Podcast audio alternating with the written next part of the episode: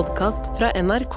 Arild Hermstad er partileder for Miljøpartiet De Grønne og politiker i Oslo bystyre. Før dette var han leder for miljøorganisasjonen Fremtiden i våre hender i 15 år. Og i Oslo har han vært byråd for byutvikling. Hermstad er utdanna samfunnsgeograf og elsker å sykle ned bratte bakker i skogen på sykkel. Dette er Drivkraft med Vegard Larsen i NRK P2. Arild Hermstad, velkommen til Drivkraft. Tusen takk. Hvordan har du det? Jo, jeg har det veldig fint. Jeg er spent på denne samtalen. Det gleder jeg meg til. Åh, du skal Du aner ikke hva du har i vente. Nei da. Eh, kommer rett fra Stockholm. Ja, kom med toget i går kveld fra Stockholm. Ja. Veldig fint. Vært eh, business or pleasure, som man sier. Det var pleasure. Det var fordi at jeg var på business for tre uker siden, og så kjente jeg at eh, den turen som jeg lovte min kone en eller annen gang for lenge siden, den var det nå på tide å ta. Ja. Uh, og fordi at Stockholm er en uh, veldig fin og en europeisk by. Den minner meg liksom litt om uh, Den er litt større og minner meg mer om Paris enn det Oslo gjør, f.eks. Og en av få storbyer i nærheten som man faktisk kan ta toget til. Toget tok fem timer og 20 minutter. Ja. Og det er jo Det er ikke så lang tid. Nei, et slags hurtigtog. I I, hvert fall i norsk målestokk så Ja. er dette her lyntog de luxe. ja. Hvorfor er det så dårlig ellers? Ja, det er et godt spørsmål. Um, og jeg, um, jeg Jeg var jo boret i det på fredag sammen med han som ledet NRK tidligere. Eh, og han, eh, jeg kan jo si det at han På vegne av sin nye arbeidsgiver så var han ganske ydmyk. Det, de har mye å ta fatt i i Bane NOR. Og det er en lang historie med at vi har gjort for lite på jernbane. Så Ja, Tor Gjermund Eriksen, mener du? stemmer. Ja. Han er da sjef i Bane NOR. Ja. eh, og er veldig opptatt av hva vi kan gjøre for å forbedre jernbanen i dette landet. Og det har jeg vært opptatt av kjempelenge. Så, og ikke minst, Jeg er jo fra Bergen, så jeg syns Bergensbanen hadde vært litt fint om den kunne tatt litt kortere tid og gått litt oftere og litt mer eh, ja, At den faktisk gikk når den skulle. Hadde den blitt bygd i dag? Bergensbanen? Ja, selvfølgelig. Hvis ikke det fantes en jernbane til Bergen, så måtte vi bygget det i dag. Tror du på det? Det, ja, selvfølgelig. altså, Det er jo ingen som tror det, men noen, noen sier jo at jernbane var noe vi holdt på med på 1800-tallet. Men i, i global målestokk så bygges det jernbane over en lav sko. Både til å frakte gods og til, eh, til å frakte folk med. Så ja, det Ja. mener jeg. I, altså ellers i verden? Resten av den er litt sånn, litt sånn rare tingen rundt oss som er verden. Ja. Naturtap, da, med alle i det? Ja, og det er et stort dilemma. Man må bygge det på en måte som ikke eh, krasjer naturen fullstendig. Men eh, alternativet er jo mye verre. Hvis du tenker at folk skal frakte seg, eh, så er mm, jernbane Da kan du bygge Folk kan bo rett ved en jernbanestasjon. Bygger du en motorvei, så er det ingen som bor i den rundkjøringen. Mm. Det er ingen som bor i nærheten engang. Hvor Når man driver et parti som er leder i et parti som heter Miljøpartiet De Grønne, hvor Hvor viktig er det med symboler? Symbolpolitikk? Det er et sabla godt spørsmål, for det um, Hvor farlig er det? Altså du skal gjøre to ting i politikken. Sant? Du skal gjennomføre politikken, men du skal jo bli valgt. Uh, og hvis du skal bli valgt, så er det ingen tvil om at du må ha noen ganske samlede symboler som folk er enig i. Noen verdier og noen eh, store saker som du står for. Det er jo det folk har lyst til å stemme for. Og at du kan love at de får det bedre med din politikk. Eh, og, det, og, og så skal du levere etterpå, eller helst i det øyeblikket du signerer på en regjeringserklæring eller en eller annen byrådserklæring, så bør du, da bør du levere på den politikken. Hvis ikke så, så blir ikke du gjenvalgt. Mister du tillit. Så nei, jeg, er jo, jeg er jo i politikken fordi at jeg fant ut at eh, jeg ikke fikk gjort nok utenfor. Og hadde ganske sånn store forhåpninger til hva man kan få til innenfor politikken. når jeg begynte med det, Og det handler mest om å, å få gjort ting. Holder det med fire år av gangen, da? Um, nei, altså, det kan du vel uh, Det bør jo helst det, da. Altså, jeg, jeg er jo for demokrati, og hvis du skal sitte der i åtte år, så kan det være at du blir for selvtilfreds etter hvert. Ja. At det ikke er bra. Men når du er på eh, en hyggetur til Stockholm, hva gjør du da? Eh, da går vi ut og spiser god mat. Eh, tar en eh, Spiser semlor, som er den svenske fastelavnsbollen, f.eks. Drikker kaffe, drikker et glass vin. Eh, var på Dramaten og så et Ibsen-stykke, som var veldig trist. Det var jo sånn, Men det, det var veldig flott. Det var Lille Eyolf. Ja. Det, Min kone var litt skeptisk, siden det var litt sånn trist. Men uh, vi var enige om at det var verdt det. Veldig Ja. bra. Er du en teatrets mann? Altså, det, eh, jeg er jo en av de som uh, Du har sikkert fått med deg denne Hel ved-forestillingen på Det Norske Teatret. Målet med den var at menn skulle begynne å gå på teatret. Eh, og så så du hvem som var der, og det var sånn 70 kvinner. Eh, og så så du Jeg tror de spurte om hvor mange av menn som hadde kjøpt sin egen teaterbillett. Og det var nesten ingen.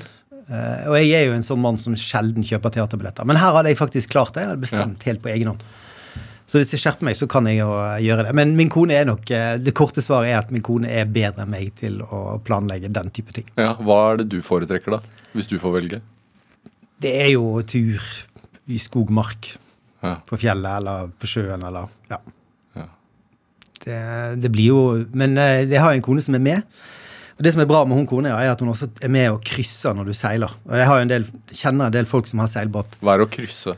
Det betyr at du går opp mot vind.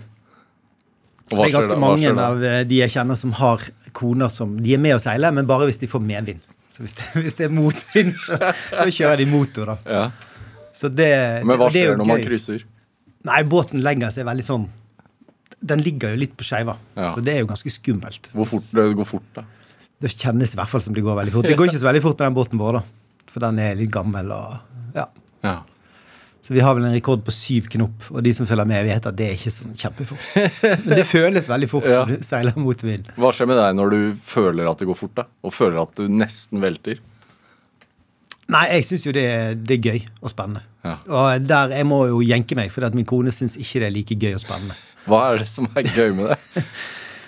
Nei, altså, det er jo adrenalin og litt sånn salt i fjeset. Og, Ja. Så du liksom kjenner hvordan båten på en måte Hvor andre steder oppsøker du adrenalin?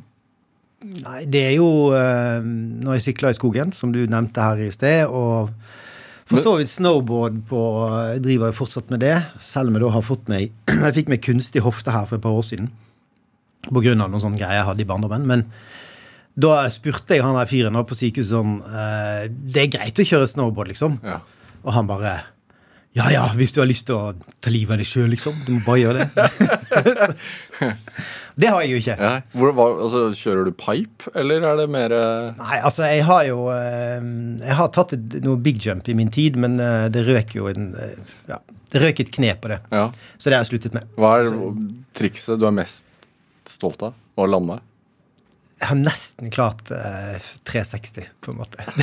det er, noe mer enn det er ikke det. Dette er Drivkraft med Vegard Larsen i NRK P2.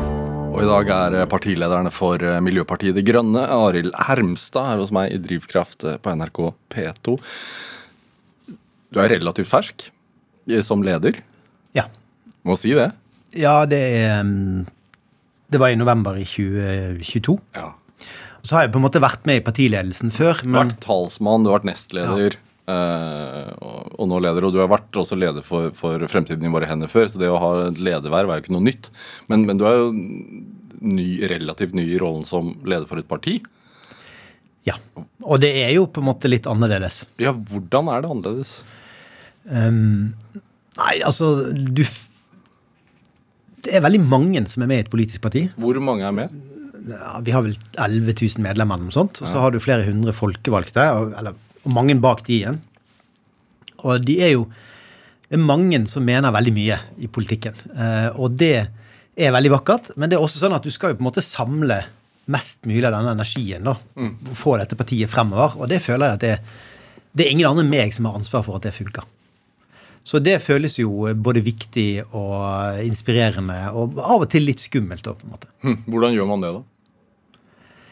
Det er en blanding mellom eh, å ha fart eh, og adrenalin og det å få med seg folk. Som, eh, som du, du må klare begge deler. Ja, hva overrasket deg mest? Altså, det, det, det ene er jo liksom litt eh, hvordan andre politikere har blitt tatt med buksen eller gang på gang. Det har vært litt overraskende. Særlig det siste året og to, hvor folk hvor plutselig folk bare har gjort veldig rare ting. Det, det syns jeg er ganske overraskende. Um, nei, hva er det Jeg vet ikke hva som er overraskende. Det, det er sånn Men i forhold til stillingen din? Hva trodde du ikke kom til å være en del av eh, ditt ukentlige virke, som er? Det, det, det er Jo, altså det er jo klart at det der å bli nominert og valgt og alle de tingene som følger med det, er jo, det er jo en ganske sånn eh, Det er overraskende mye som skjer rundt det. da. Mm. Og det gjelder jo på en måte på alle nivåer i partiet. Med folk som skal bli ledere og ikke bli ledere. og den, Både lokalt og fylkesleder og den type ting. Det, eh, og det handler jo om at som politiker så må du både være ganske sikker på deg sjøl, at du vet hvor du skal. Mm. Samtidig som alle går rundt og er litt sårbare inni seg når de skal drive med politikk. Du, du er jo Man er jo ikke det er jo ikke sånn at man er 100% sikker på at man alltid velger de riktige, riktige tingene. Nei, og så var det jo en, øh, altså det var en tøff lederkamp. ja, det var det jo. sant? Altså, det er klart at øh, Du ble valgt med én stemme? Det, det stemmer. Ja. Men det som var veldig fint med det, var jo at like etterpå så eller med en gang etterpå så var jo min motkandidat veldig sånn OK, nå kjører vi videre. Dette var helt fint. Ja. Så, så, det har jo vært veldig nyttig. At det har ikke vært noen sånn der eh, eh, Nå er partiet to forskjellige fraksjoner. Og det tror jeg nok skiller oss litt fra andre partier. At vi tåler å, å ha en sånn fight uten at eh, hele partiet er i opprør etterpå. Det syns jeg er ganske imponerende. Hvorfor tåler dere det, tenker du? Det er jo sikkert da fordi at vi har en tradisjon for at det har skjedd før. Dette har vi gjort flere ganger før, og det har gått fint før. Og, og mens i andre partier så er liksom det med mm, å ha åpen lederkamp det er noe som man ikke driver med. For da er det vanskelig å hele partiet etterpå. Ja. Det har jo vært mange partier som har splittet seg. og mm. Det var vel lett i forrige uke, var ikke det? er det? Um, hvordan er en vanlig dag på jobben for partilederen for MDG? Nei, det er jo Du, bo, du bor oppe på Bøler i Oslo? Ja. Når, er, når står du opp? Jeg pleier å sove til litt over syv. Oi. Så det er jo Altså, jeg, jeg er jo litt B-menneske, så jeg liker jo bedre å jobbe på ettermiddag kveld. Og det er ofte mye kveldsarbeid. Nå er det mye årsmøter, mye reise rundt og treffe folk. Og da Det hender jo at jeg er hjemme sånn halv elleve-elleve, halv tolv. Liksom. Og da er du liksom ikke Det er ikke sånn halv sju dagen etterpå at du er kjempegira. Nei. Så jeg pleier, Vi har et møte sånn ca. halv ni. Uh, og da På morgenen? Ja, ja, Da bør jeg helst ikke sitte på sykkel lenger. Da bør jeg ha kommet meg inn på Stortinget. Ja, Hva går dere gjennom på de møtene? Det er hva som skal skje den dagen, og om det er noen viktige saker, eller om vi har noen store ting skal, som jeg skal gjøre den dagen. Som kan være? Ja, det kan være å dra på drivkraft, eller å ha et møte med Eller at man skal i en debatt eller holde et viktig innlegg, eller En ting som jeg må bli flinkere til, som jeg tror alle politikere gjør ganske mye, det er å øve på ting. Mm. Sette av tid til at ok, den landsstyretalen din, den må du liksom Nå må den bli ferdig, og så må du begynne å øve. Det, og det må vi òg skjerpe til om morgenen, sånn at det ikke hele dagen bare flyr med at man Det er jo lett å bli litt sånn på tilbudssiden, da. At mm. det er mange folk som vil ha deg, og så bare så går dagene. Mm. Og da, det nytter ikke. Hvor, hvor, stor er den pågangen fra å gå fra å være nestleder til leder? Den at alle vil ha en bit? Den er ganske stor. Men jeg har jo en fordel, og det er at jeg ikke sitter på Stortinget. Ja. Jeg har tre veldig dyktige stortingsrepresentanter som Som eneste partileder så sitter ikke du på Stortinget? Ja. ja. Og det har, Selvfølgelig, det har sine negative sider. Men fordelen er jo også at jeg kan overlate mye av det som skjer på Stortinget, til de, og, og la de drive politikken der. Ja. Mens jeg kan ha mer fokus på å reise rundt i hele landet. og I forrige uke hadde vi et folkemøte på Eidsvoll om skog med 70 mennesker til stede. og Da kan jeg liksom jobbe en del med, med konseptene rundt det og, og tenke mer langsiktig. Mm. Hva er folk mest opptatt av for tiden, da? Altså deres velgere? Deres uh, potensielle velgere? Jeg tror at det som eh, NRK har gjort eh, egentlig over litt tid, men det har jo eksplodert nå de siste ukene, om natur, mm. er en ting som eh, har fått opp øynene til mange. Og jeg har jo veldig mange i partiet som har sittet alene i et kommunestyre og vært utskjelt fordi at de har stemt imot liksom, det lokale næringsarealet eller de lokale hyttetomtene. Som eneste parti noen steder har blitt ganske ensomme. Mm. Og ofte litt sånn uglesett i lokalsamfunnet sitt. Og nå tenker jeg at de, dette er en slags, om ikke hevn, så i hvert fall sånn payback time. Altså Folk ser at dette, dette er faktisk mye viktigere enn det de, de, de, var klar over. Og vi er jo litt sånn eh, vi er jo litt sånn nerdeparti på natur. Sant? Det er veldig mange av våre folk som er opptatt av eh, soppen som lever i skogen, eller eh, disse tingene som eh, som egentlig folk burde, tenker jeg, vi burde kunnet mer om det alle sammen. Mm. Eh, Men som er, som er helt med livsgrunnlaget vårt, da. Som er det vi skal leve av i fremtiden. Hvor langt tilbake går ditt uh, natur- og miljøengasjement? Det um, Nei, altså sånn uh, Jeg dro til Latin-Amerika når jeg var 20 Hvor gammel var jeg? Et par 20. Mm. Og så ble jeg veldig opptatt av uh, urettferdighet, og så at hvordan det der Hvordan det samfunnet var med ulikhet og masse søppel og mye greier som, som var dårlig, da. Og eksos og sånne ting. Eh, så det var en blanding av eh, urettferdighetsengasjement. Altså engasjement for å skape en mer rettferdig verden. Mm. Og så begynte jeg da å um, orientere meg litt sånn utover etter å ha vært, eh, studert økonomi og var veldig sånn Skulle bli bankmann, skulle du ikke? Jeg var bankmann Ja. i tre år. Så ble jeg student eh, på Handelshøyskolen. Mm. Var det business da som var eh, attraktivt? Altså, jeg, eh, jeg tenkte nok det, at jeg skulle begynne med et eller annet som handlet om penger, og kanskje ikke bank, for jeg hadde jo vært der, og det var litt kjedelig. Men litt sånn private, privat selskap, eh, jobbe med økonomi, tall. Så etter den turen hvor jeg da egentlig skulle Jeg tok jo spansk som valgfag. Havnet litt, bitte litt tilfeldig i Guatemala. Så kom jeg tilbake igjen, og så fant jeg ut at nei, skal jeg gjøre dette i livet mitt? Og så orienterte jeg mot universitetet og fant et fag som het geografi. Det var også litt sånn ganske tilfeldig, egentlig. Og så um, Men Man reiser jo ikke til Guatemala syns det er litt eksos, og så skifter man retning. Det må jo ha vært noe mer. Det var jo en gradvis greie, men jeg tror det var ganske plutselig. Altså, det var, Hadde jeg dratt til Spania og lært meg spansk der, liksom, og hengt med europeiske venner, øh, eller Så ikke det er sikkert at jeg kommet tilbake inn og sluttet på Handelshøyskolen. Nei. Så, og det eh, Jeg tror det var et sånt et slags um, Min egen verdensoppfatning ble ganske utfordret når jeg var der nede. Hva var det du så da? Eh, Det var fortellinger Altså ulike altså, Urfolkene i Guatemala de har jo vært undertrykt kjempelenge. Men de fortellingene som holdt på å si mine likesinnede, da, de som jeg traff i Guatemala, som var litt sånn som meg, som tok høyere utdanning eller jobbet i bank eller sånt, Mm. de snakket jo om urfolkene som litt sånn latsabber, og at de hadde egentlig ikke så mye rettigheter, at de drakk opp alle pengene sine eller brukte det på feil ting, Mm. og at derfor var de fattige. Men så når du begynte å se bak den historien, så, så var det store huller i den virkelighetsoppfatningen. Og da innså jeg at liksom det er et samfunn helt uten tillit. Man har ikke tillit til hverandre. Man har ikke noe fellesskap. Man, eh, vanlige folk i det landet som jeg ble kjent med, de betaler jo ikke skatt. De har på en måte Du har ikke noe sånn tillit til staten eller sånne ting. Og da tenkte jeg at vi har egentlig ganske noe fantastisk i vårt land som vi er nødt til å kjempe for å ta vare på.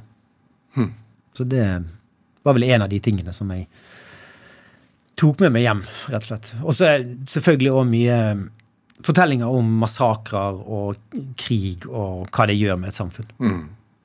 Hm. Ble de overrasket da du kom hjem? De som kjente deg godt? Um, altså, min søster drev og liksom Syns at det ble litt mye noen ganger, da. Nei, liksom, det, På hvilken vi, måte? Nei, vi bodde i et hus. eh, Hun bodde i første etasje, bodde i andre etasje. Så jeg kunne bare liksom komme ned der og begynne liksom å legge ut og diskutere. Jeg var sikkert ganske litt ung og idealistisk og utfordret nesten alle mulige standpunkt som man hadde fra før. Ja.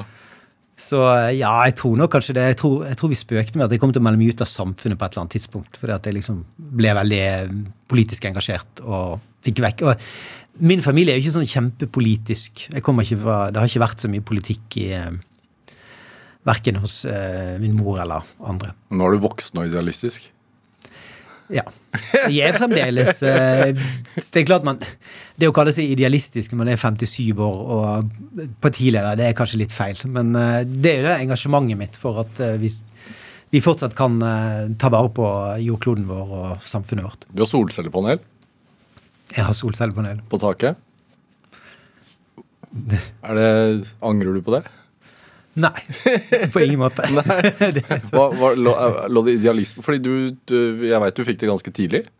Altså Det har vært en solcellepanelboom de siste årene. Og, I hvert fall der jeg bor i Oslo, så ser jeg det på, på stadig flere tak.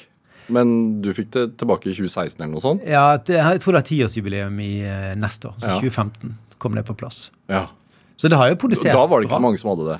Nei. Nei. Hva var, det, egentlig litt, altså, det burde vært enda flere, liksom, tenker Ja. jeg. For nå fikk jo jeg ganske bra gulrot av Oslo kommune den gangen. ja, og Enova var sikkert involvert. Og, Ja, jeg tror jeg fikk eh, 40 000 eller noe sånt for å sette opp noe som kostet 100. ja, oi. Så det var en veldig raus ordning. Ja, Spart inn. Altså, det er, sant? eh, det er litt sånn Denne sofaen du har hjemme, du har jo ikke, du har ikke fått den tilbakebetalt. For, for meg er dette sånn Jeg har brukt de pengene, jeg aner ikke om jeg tjener penger på det. Men det var en periode i fjor og i forfjor hvor det kom ganske mye inn i løpet av sommeren. Ja. Så om det, jeg tror ikke jeg har tjent inn, men det kan jo være. Følger du? På sånn, er du blitt sånn strømnerd? Eh, nei, altså jeg kunne Nei, jeg tror ikke jeg kunne blitt det heller. Jeg synes det er litt sånn Jeg, jeg, jeg, jeg føler jeg kan det. Men når de begynner med sånn megahjul og terawattimer og sånn, så kjenner jeg at ok, nå, eh, nå ble det litt mye. Hvor, hvor viktig er det eh, i, det store, store bildet, eh, store miljø, miljøperspektivet, at eh, hvermannsen eh, gjør sånne endringer og tar solcellepanel? Bidrar det til noe? Altså Ja, selvfølgelig bidrar det litt, men, men har det noe å si? Eh, ja, det har det. Eh, og jeg tenker jo Alle skal med er jo et sånt slagord i miljøkampen, og det mm, eh, Jo flere som gjør noe som gjør at de får god samvittighet, eh, jo lettere er det å få til de endringene, tror jeg. Hvis det er sånn at eh, det kan ikke bare være politikerne som skal fikse alt. Eh, og det kan selvfølgelig altså, Det hadde jo vært en mulighet. altså sånn, Hvis vi skulle valgt, så måtte politikerne fikse det. Så forbrukerne kan ikke fikse det. Men du trenger å få med deg et kritisk antall folk som, som hiver seg på sykkel, eller kjøper en lastesykkel eller en elbil, eller ting som, ting som er bra for miljøet. da. Pellets? Pellets, ja. Det har jeg òg. Det eh, det, det, det funker. Det er god varme. Og, altså det er jo selvfølgelig det er jo bare ved for latsabber, egentlig. Men det er ganske miljøvennlig, er det ikke? Ja, det, jeg, jeg syns det, da. Men det er jo noen som problematiserer liksom det òg. Men eh, jeg tenker at eh, det er et bra produkt som også gir lokal verdiskapning og jobber i Norge. Ja, da, fra, Når man blir partileder, så får man jo eh, telelinsene mer rettet mot seg. Man er mer eh, i media. Man blir kanskje i, i litt større grad gjenkjent. Blir man mer bevisste? Blir man mer jålete over natta, nesten?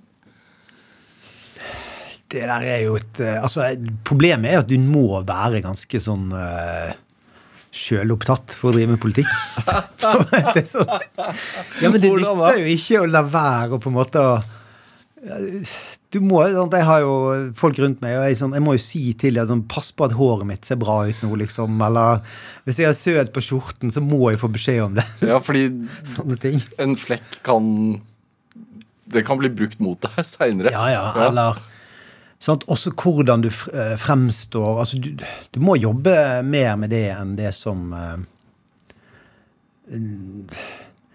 Ja. Du kan, altså, du kan på en måte ikke bare ta for gitt at liksom hele din fremtoning er perfekt for å være partileder. Nei. For det er en rolle du skal, det er en slags rolle du skal bekle. da. Hva har du terpet mest på, da? Nei, Jeg må stadig vekk terpe på um, Ikke tone i debatten, men liksom hvordan du snakker, hvordan du uh, Hvor du legger trykk i setningen. altså Den type eh, litt sånn nitty-gritty eh, øvelser er viktig. og så men så er det Så, interne altså, den- møter. sant? Politikermåten å prate på. Ja. Og det, altså Jeg er sikker på at eh, sant? Og, og, Som jeg føler på mange måter Unnskyld at jeg avbrøt deg nå, men jeg føler på mange måter at Jens Stoltenberg var den første som ordentlig lærte hvordan man skal er, du, er du enig? Altså, for man prater ganske likt etter hvert. ja, men jeg husker jo, sant? altså Carl I. Hagen hadde jo Det husker jeg når han begynte sitt politiske virke. Ja. Det som jeg, jeg var aldri enig med han om noe som helst, men det han var utrolig god til, det var jo bare liksom å bare snakke til folk. ja. Og ikke drive og snakke med programledere eller andre folk. Altså han Jeg tror han forandret også måten å, å snakke med velgerne på, da. Så mm, ja, det er en ting. Og så er det jo klart at når du er på interne møter i partiet, så har du alles øyne. Og da bør du helst være ganske opplagt og ikke se sliten ut, eller den type ting. Og det, det må man òg være veldig bevisst på. da. Sånn som når Det er jo som nestleder, ja, sånn nestlederen deres eh, sier at eh, hun gjerne vil fjerne formuesskatten. Hvor eh, mye har dere pratet om det på forhånd? Det har vi snakket om på forhånd. Ja. At det er noe som hun Hun leder programkomiteen, og da er det mm, det er hennes jobb. Ja. Og, og da er jo det også fint å få liksom heads up når det skjer. og Det vet jeg jo ikke alltid når det skjer, men jeg vet at det kommer til å skje en eller annen gang. Hvorfor nestlederen og ikke lederen? Er det for å få en føler på det?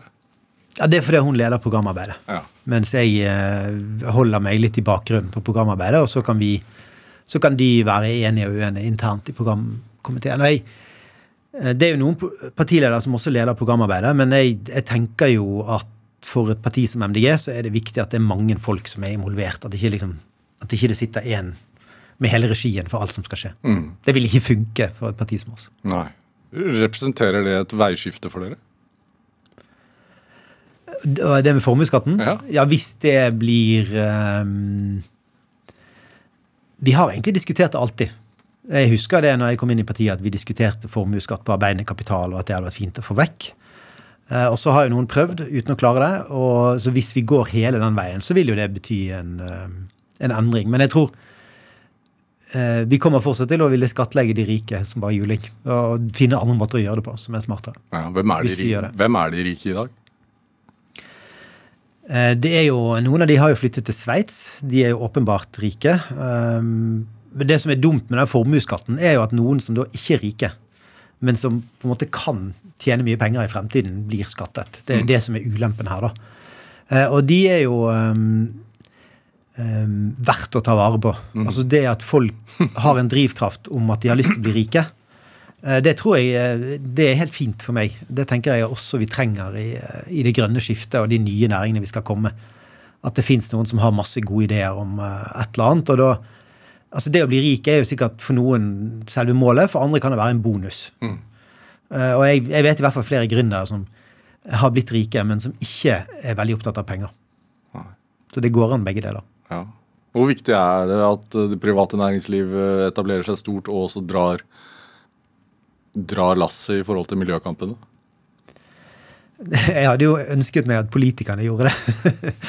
Men det gjør vi jo eh, Vi gjør jo ikke nok. Nei. Eh, Og uten næringsliv som, som skal tjene penger på miljøløsninger, f.eks., så det, det går jo ikke veien. Vi har sett hva liksom autoritære systemer gjør. Og det er ikke spesielt innovativt eller eh, bra for folk. Så jeg, heier veldig på at vi skal ha et eh, næringsliv som, eh, som tør å satse. Og mange av de gjør jo, de taper jo 100, 100 millionvis av penger også. Og det, det at noen tør å ta den risikoen, mm. det tror jeg er viktig. Og det er også, vi politikere må også tørre å ta større politisk risiko og lære litt av det. Ja. Arild Hermstad, vi skal spille litt musikk. Du har med en australsk klassiker. Eh, 'Beds Are Burning' av bandet Midnight Oil. Hvorfor den? Nei, Det er jo to grunner til det. Det ene er jo ehm, at med den låten på 80-tallet så dro de opp en debatt om urfolk i eh, Australia, som var veldig viktig, og som de fikk mye reaksjon på. Og så er det jo det aller mest personlige for meg er 2009, når det var klimatoppmøte i København. Vi var sikre på at nå skal vi redde verden. Eh, og det var jo håp om det. Barack Obama var der, alle statslederne. Det ble en krasjlanding. Men den sangen som måtte dro mye av det håpet når vi dro dit, det, det var 'Beds Are Burning' med Midnight Oil. Og det var Jeg tror nesten jeg hørte den når vi dro på klimaseilas med eh, Framtiden over og Kirkens Nødhjelp. Eh, og vi sto ved roret på eh, danskebåten og samlet 1200 mennesker som skulle ned der. Og liksom nå, nå skjer det. Nå får vi et gjennombrudd for klimaet.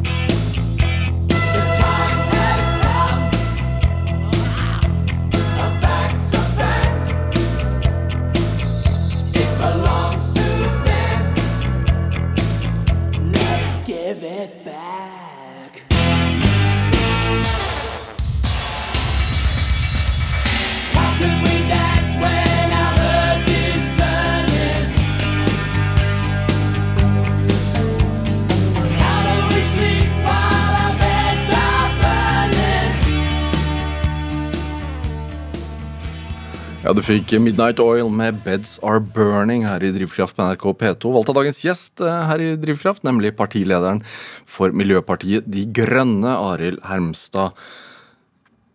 Du er fra Bergen? Ja. Hvor? Det, jeg har bodd i litt for mange bydeler til å kunne si det, men Hvor er hjemme i Bergen, liksom? nei, det er noe det der min mor bodde i Åsane. Ja. Var det der du vokste opp? Jeg vokste mest opp Eller jeg vokste opp i Åsane den tiden som har betydd mest for meg. Og det var der liksom mine ungdomsøyeblikk var sterkest når jeg bodde der, tror jeg. Hvor bodde du før det?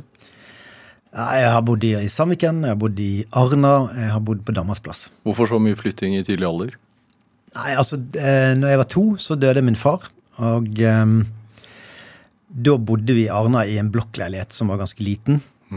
Med eh, min søster og meg og min mor. Og så var det vel sånn at når vi, eh, min mor gifte seg på nytt igjen etter en stund eh, med min far sin beste kompis, eh, og da hadde vi litt mer penger, så da gjorde vi vel sikkert sånn som mange andre og flyttet fra en, en eh, bolig til et rekkehus med stor plass, hage. Eh, men i et kliss nytt område i Åsane hvor skolen var på en måte ikke helt ferdig når vi begynte der, og så fikk vi ny skole etter et halvt år, og så ble det mye omskifting. Og så flyttet jeg på nytt når eh, min mor skilte seg fra eh, min da stefar.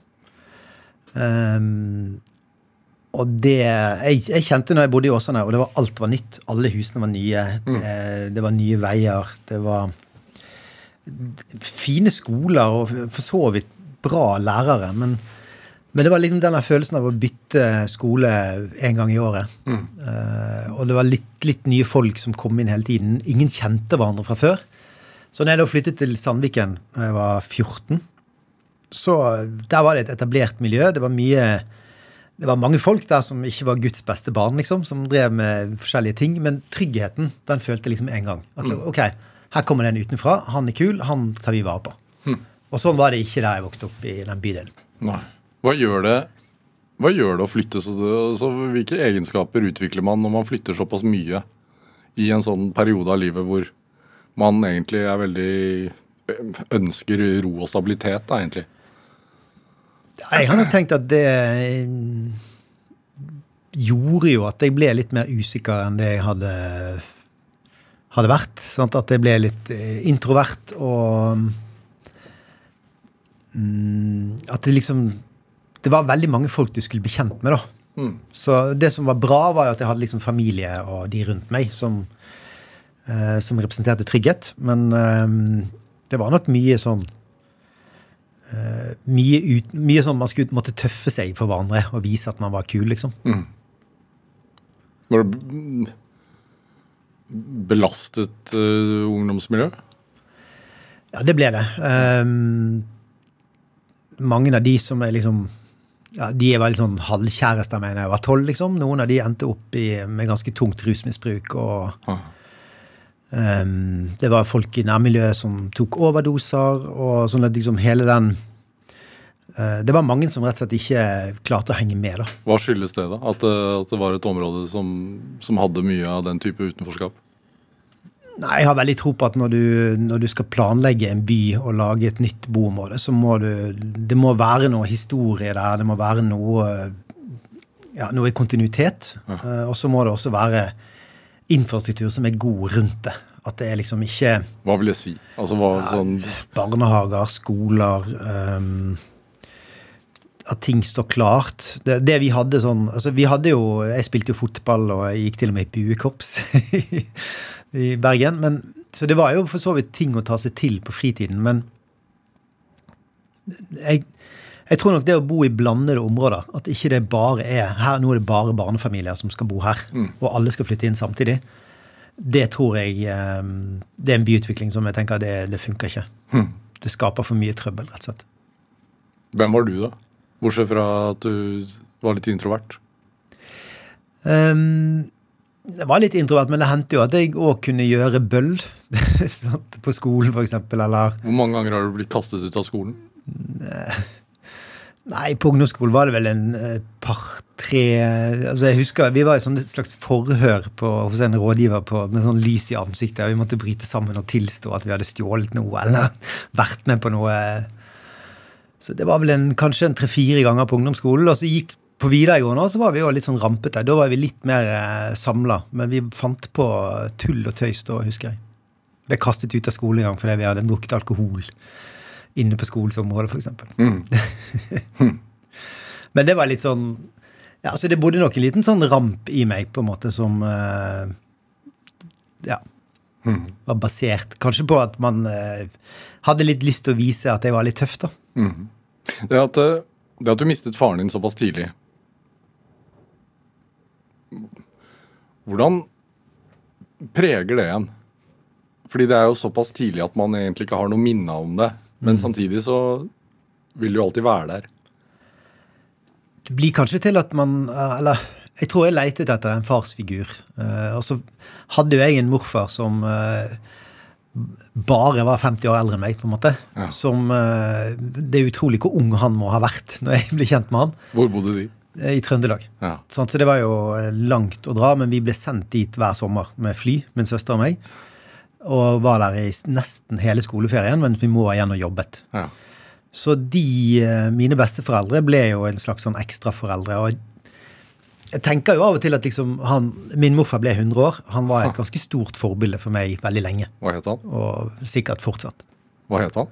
Han het Reidar Hermstad. Hæ. Så det Hva lærte du av han, da? Eh, Jeg lærte jo selvfølgelig å snakke trøndersk, som jeg jo kan. men, men jeg lærte jo eh, arbeidsomhet, nøysomhet og veldig sånn respekt for eh, hans kone.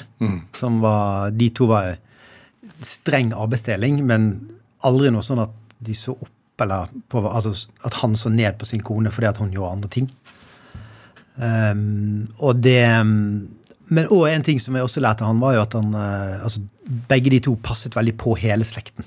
Bare sånn drev og lurte på hvordan går det med dem nå. Altså, de hadde veldig sånn eh, De hadde radaren på liksom, at alle skulle ha det bra. Så det tenker jeg òg, denne med omsorg og ta vare på ting er viktig. Og arbeidsomhet, eh, nøysomhet er viktig. Hva slags gård? Eh, Det var en Når jeg var liten, så hadde de alt fra hest til kyr og um, gris og høner og ja. Men etter hvert så ble det bare kyr, da. Ja. Så, um, og nå er, jo, nå er jo den gården da ikke i familien lenger. Men Jeg tenkte veldig lenge at jeg skulle ta over den gården. Det var en sånn ting jeg gikk og bar på lenge i barndommen. ja. Jeg tror det var greit at de ikke gjorde det. Men, men når du sier du var der hele sommeren Late dager, da? Eller, man, eller må man bidra på gard? Nei, altså, jeg um, bidro masse. Ja, hva som var? Det var alt fra å måke møkk til å hente kyr, til å fòre kyrne, til å male fjøs og eh, Til og med vært med på å drenere en myr. Og det skal man jo ikke gjøre, som du nå vet, men det, det var jeg med på i barndommen. Det holdt man på med den gang? det drev man med. Ja. Eh, Men òg litt sånn Det var jo fettere og kusiner der som Jeg var litt større enn de, så jeg drev og sperret de inn i stabburet. De.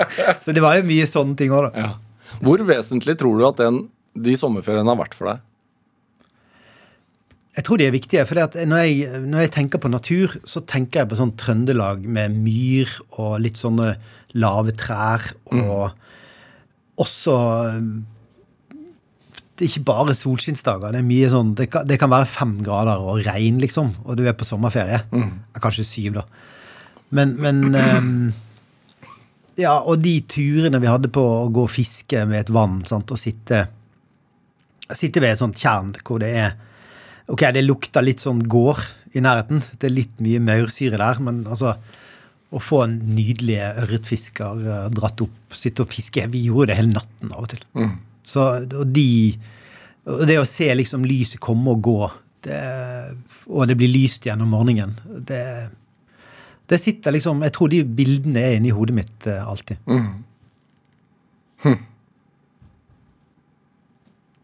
Er det, altså, han ble jo 100 år, eh, morfaren din, men, men Tenker du på han i dag? Bruker du, bruker du han i dag på noe vis? Altså sånn, Prater du med han? Nei, jeg gjør jo Nei, jeg, jeg, gjør, jeg snakker ikke med han, men uh, jeg tenker jo på mye som eh, For eksempel, da. Uh, nå er det jo krig eh, i verden, og det er ganske tunge tider. Og jeg har også truffet uh, barnesoldater i El Salvador en gang som, som fortalte hvor utrolig livredde de var når det var krig. Eh, og det fortalte også morfar. sant? Altså, jeg leste mellom linjene at han var jo de hadde noen trefning med tyskerne i Trøndelag, og, og liksom Han var jo livredd. At de skjøt De ante ikke om de skjøt for å treffe eller noen ting. Og, og jeg tenker på de som står i krig i Ukraina, særlig, eller um, Hvor grufullt det er, da. Hvordan den situasjonen Og hvor det kan prege folk uh, lenge etterpå. Gjør vi nok her? Om jeg gjør nok? Nei, om vi gjør nok? Om norske stat gjør nok? Klarer vi å Så påvirker vi i- de retningene vi kan? Strekker vi oss langt nok? Nei, vi, vi må gjøre mer, og vi kan gjøre mer. Og Norge har uh, muligheter som ingen andre land har. Det tenker jeg at uh, For meg er det også en viktig eh, politisk oppgave å si at Norge kan gjøre mer. Jeg tror eh, både når det kommer til de konfliktene som vi har i verden, og, og som kan komme til å øke, da, fordi at vi har langsiktige utfordringer som vi ikke griper fatt i, eh, så vil folk spørre oss, eh, altså mine barnebarn, om, om 20-30 år. Sant? Spør Ja, hva gjorde du? Um, og, og det er jo, jeg syns jo det er noe som vi alle bør ta inn over oss. Altså hva gjør vi nok? Hvorfor gjør ikke vi mer når vi, når vi har disse fantastiske mulighetene? Hvorfor gjør vi ikke det?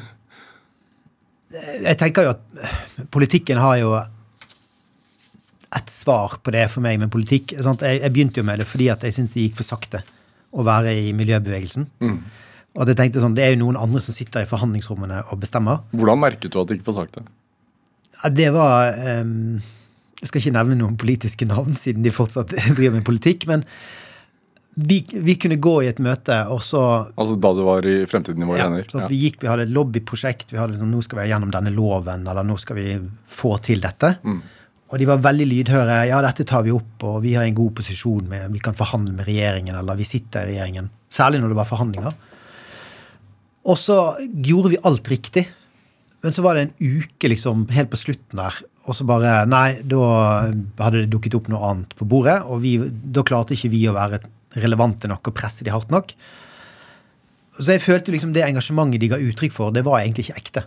At det var rett og slett ikke sånn, De hadde ikke den kunnskapen som jeg følte jeg hadde på miljø, som gjorde at de tok det tilstrekkelig på alvor. Så jeg tror det er en Og da tenkte jeg ok, da, da må du bare bli politiker sjøl. Du kan jo ikke gjøre det så veldig dårlig, siden du kan ganske mye om miljø. så det, det var jo min tanke da jeg begynte med det. Um, og så merker jeg jo at eh, Selvfølgelig skal du som politiker du må løse en del kortsiktige problemer. Sant? Det er ikke sånn at du kan la være å rydde opp i, eh, i, i viktige saker som berører mange folk. Men jeg skulle ønske at vi klarte å ha en sånn egen fil oppi hodet som også handlet om at vi må gjøre de langsiktige, riktige valgene.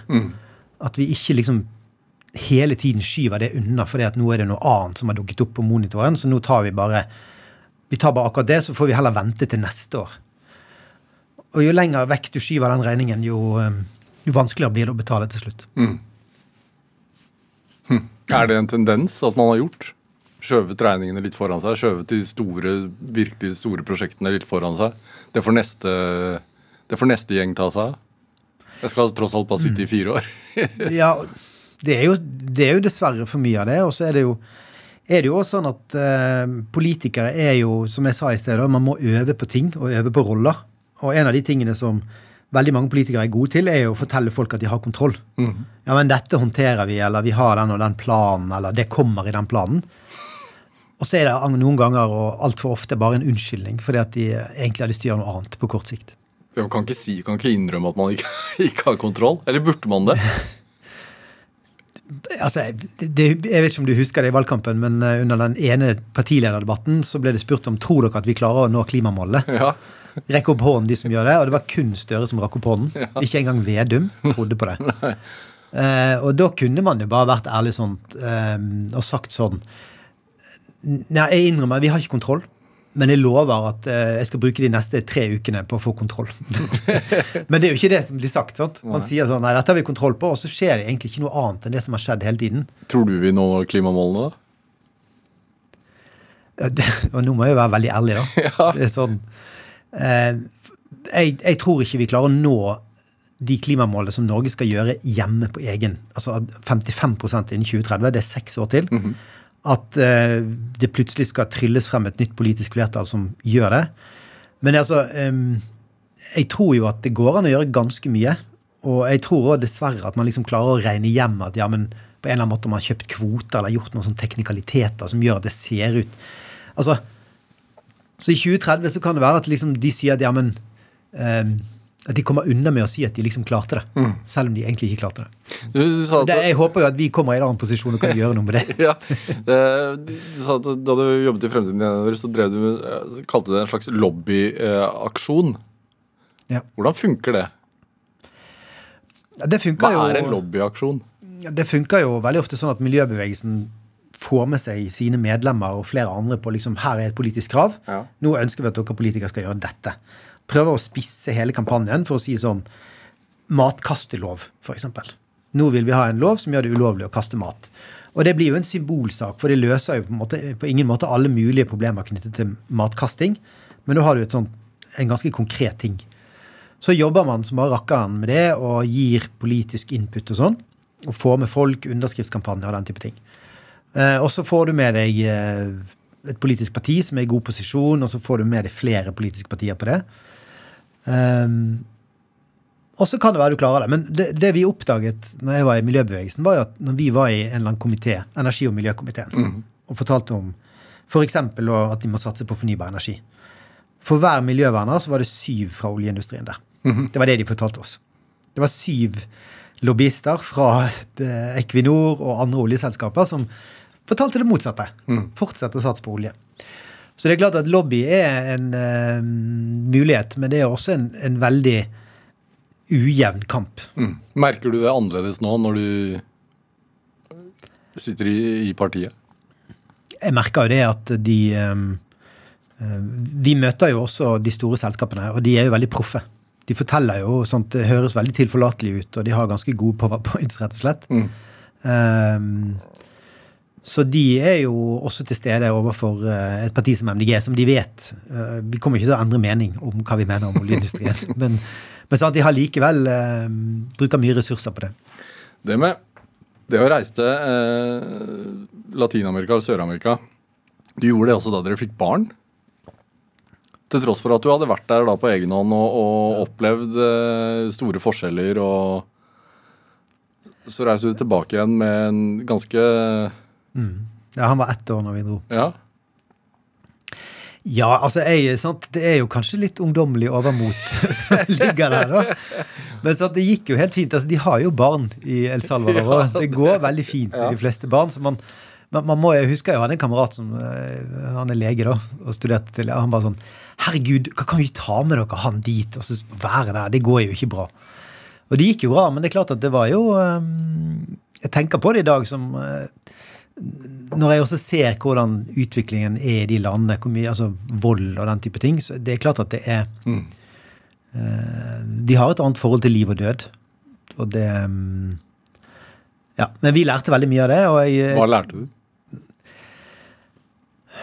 Det um, Jeg lærte jo at folk er folk, på en måte. Uansett hvor du er i verden. At det er Og særlig i El Salvador, som vi bodde i et halvt år, så var det eh, utrolig mye fantastiske mennesker som drømte om en god fremtid. og og som også hadde omsorg for vårt barn og for oss. Og liksom og at den eh, solidariteten som man føler med andre, den, den gjelder liksom uavhengig av landegrenser og hva språk man snakker. Så det, det synes jeg er For meg er det viktig at vi bor på én jordklode sammen her og skal gjøre det beste ut av det. Er det det man lærer også når man blir samfunnsgeograf?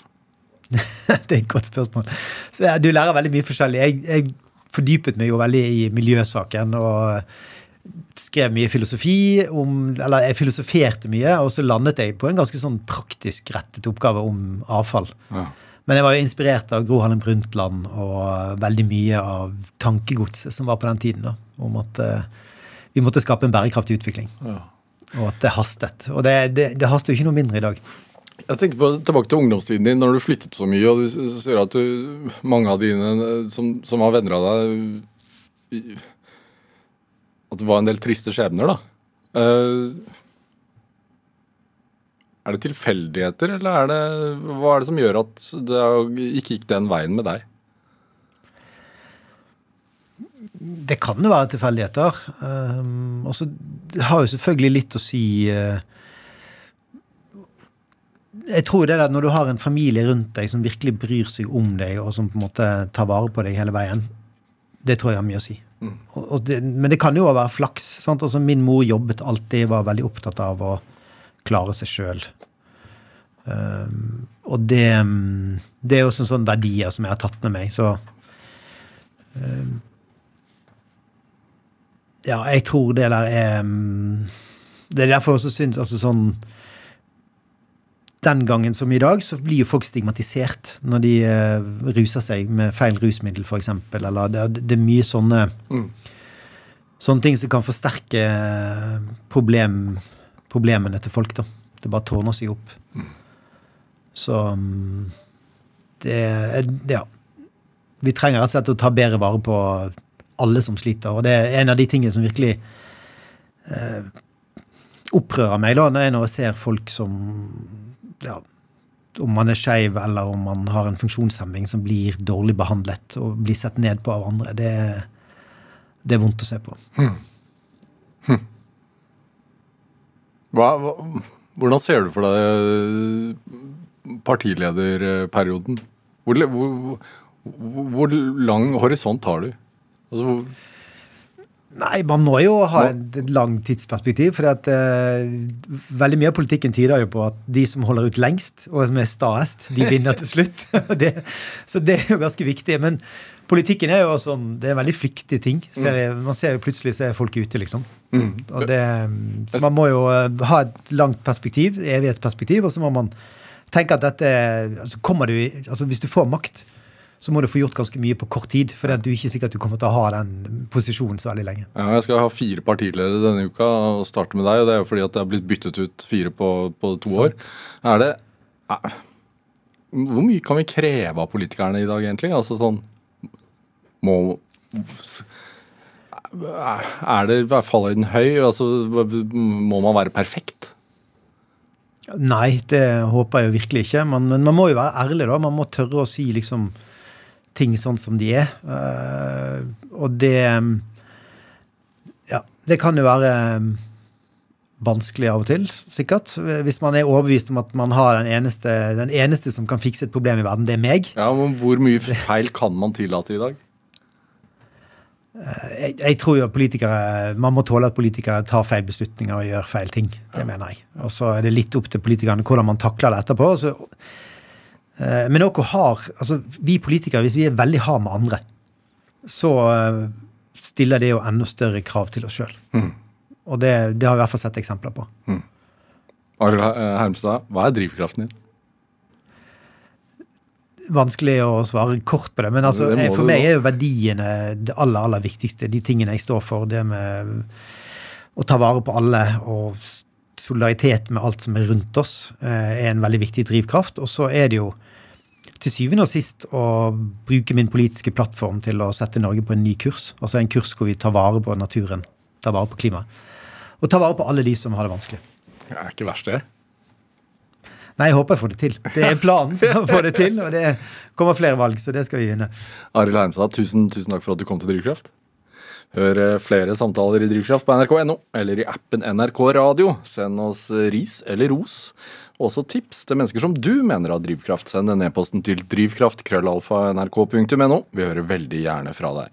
Produsent og researcher i dag, det var Ådne Feiring. Dette var Drivkraft. Jeg heter Vegard Larsen. Vi høres. Du har hørt en podkast fra NRK. Hør alle episodene kun i appen NRK Radio. Grete Strøm strever med et mysterium. Det er den lille ringen der denne historien handler om. Hvorfor har tusenvis av nordmenn samla inn ringer fra toppen av øl- og brusbokser til inntekt for en proteseklinikk i Thailand? Det er gått 1000 kilo her nå. Et tonn? Ja, det er godt gått et tonn som står her nå. Tonnevis av boksringer er samla inn av ildsjeler og kjørt med bil til Danmark, til Tyskland, og sekker er sendt med fly helt til Asia. For hva skjer med pengene som kommer til sykehuset? Gretes jakt på svar fører henne helt til jungelen i Thailand. Yeah! oh, really nice. Okay. Hør Boksringenes herre i appen NRK Radio.